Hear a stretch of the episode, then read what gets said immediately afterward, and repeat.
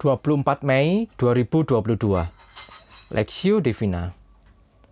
Rut pasal 3 ayat 1 sampai 18 Lalu Naomi mertuanya itu berkata kepadanya Anakku, apakah tidak ada baiknya jika aku mencari tempat perlindungan bagimu supaya engkau berbahagia? Maka sekarang bukankah Boas dan pengerja-pengerjanya perempuan telah kau temani itu adalah sanak kita? Dia pada malam ini menampi jelai di tempat pengirikan. Maka mandilah dan beruraplah. Pakailah pakaian bagusmu dan pergilah ke tempat pengerikan itu tetapi janganlah engkau ketahuan pada orang itu sebelum ia selesai makan dan minum. Jika ia membaringkan diri tidur, haruslah engkau perhatikan baik-baik tempat ia berbaring. Kemudian datanglah dekat, singkapkanlah selimut dari kakinya dan berbaringlah di sana. Maka ia akan memberitahukan kepadamu apa yang harus kalau kau lakukan. Lalu kata Ruth kepadanya, Segala yang engkau katakan itu akan kulakukan. Sesudah itu, pergilah ia ke tempat pengirikan dan dilakukannya lah tepat seperti yang diperintahkan mertuanya kepadanya. Setelah Boas habis makan dan minum dan hatinya gembira, gembira datanglah ia untuk membaringkan diri tidur pada ujung timbunan jelai itu. Kemudian datanglah perempuan itu dekat dengan diam-diam. Disingkapkannya lah selimut dari kaki Boas dan berbaringlah ia di situ. Pada waktu tengah malam, dengan terkejut, terjagalah orang itu, lalu meraba-raba ke sekelilingnya dan ternyata ada seorang perempuan berbaring di sebelah kakinya. Bertanyalah ia, "Siapakah engkau ini?" Jawabnya, "Aku Rut, hambamu. Kembangkanlah kiranya sayapmu melindungi hambamu ini. Sebab engkaulah seorang kaum yang wajib menebus kami." Lalu katanya, Diberkatilah kiranya engkau oleh Tuhan, ya anakku. Sekarang, engkau menunjukkan kasihmu lebih nyata lagi daripada yang pertama kali itu. Karena engkau telah mengejar-ngejar orang-orang muda. Karena engkau tidak mengejar-ngejar orang muda, baik yang miskin maupun yang kaya.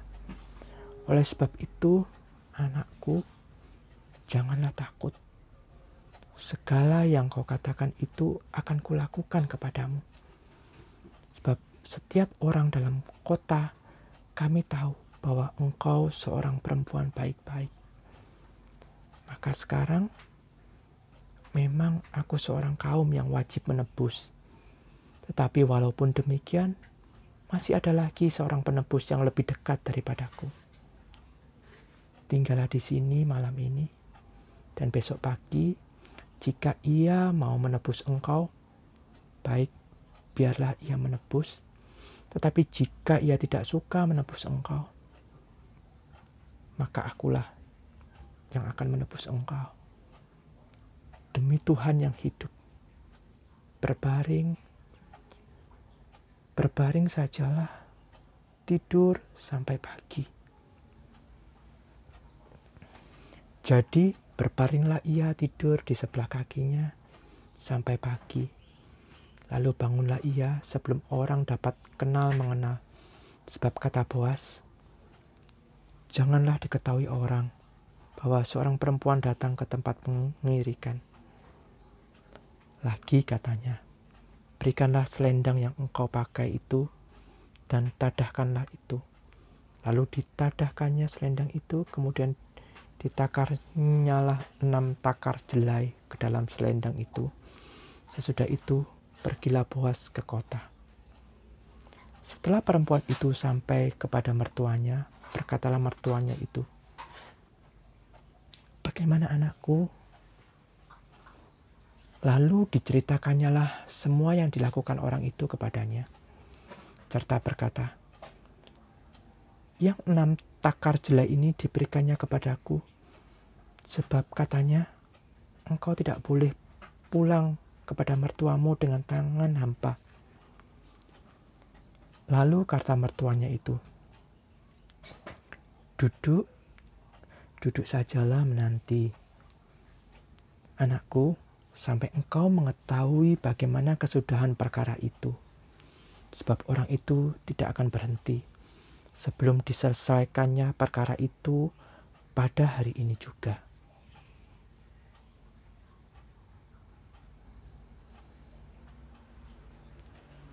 Ruth dan Boas perspektif. Diberkatilah kiranya engkau oleh Tuhan, ya anakku. Sekarang engkau menunjukkan kasihmu lebih nyata lagi daripada yang pertama kali itu.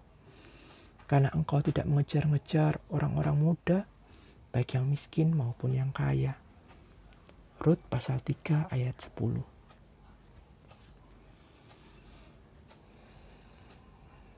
kisah kehidupan Naomi dan Ruth berlanjut di tanah Israel, tepatnya di Bethlehem, kota asal Naomi. Untuk memenuhi kebutuhan mereka, setiap hari Ruth memungut bulir-bulir jelai di ladang milik Boas, kerabat Elimelek. Rut pasal 2 ayat 3. Hukum Taurat memang memerintahkan agar orang Israel membiarkan apa yang tertinggal atau terjatuh ketika disabit atau dipetik di ladangnya untuk menjadi milik orang yang berkekurangan. Imamat 19 ayat 9 sampai 10. Bos ternyata telah mendengar tentang Ruth dan dia sangat bersimpati kepada Ruth yang begitu mengasihi mertuanya. Rut pasal 2 ayat 8 sampai 12. Kisah berlanjut di pasal 3 tentang kerinduan Naomi agar Ruth yang telah begitu mengasihi dirinya mendapatkan kehidupan yang berbahagia. Maka Naomi mengingat Boas yang tentangnya pernah dikatakan bahwa Boas adalah kerabat yang sebenarnya bisa menebus mereka. Imamat 25 ayat 25 Salah satu wujud aplikasi ditujukan di Rut pasal 4 ayat 1 sampai 10 melalui Naomi, Ruth, dan Boas ada hal-hal baik yang bisa kita pelajari. Naomi seorang mertua yang sangat mengasihi dan begitu mempedulikan masa depan dari Ruth. Dalam kesederhanaannya, Naomi mencoba dan memperhatikan kebutuhan menantunya dengan melakukan yang dapat ia lakukan. Sedangkan Ruth seorang menantu yang begitu mengasihi sang mertua. Dia bukan hanya mengikuti imam Naomi, iman Naomi, bahkan mengikuti nasihat Naomi untuk kebaikan keluarga mereka dalam hal hukum penebusan dan dengan Boas. Boas sampai memuji Ruth karena kasihnya yang begitu nyata dan tidak memikirkan diri sendiri. Padahal menurut Boas, Sebenarnya Ruth masih bisa mencari suami yang lebih muda dan kaya.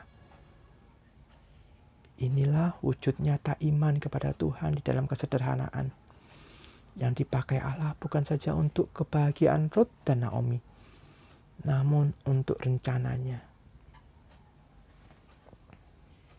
Bagi kita saat ini, bagaimana kehidupan iman kita nampak dengan relasi keluarga. Seperti keluarga Naomi, mungkin keluarga kita hanya keluarga sederhana, bukan siapa-siapa.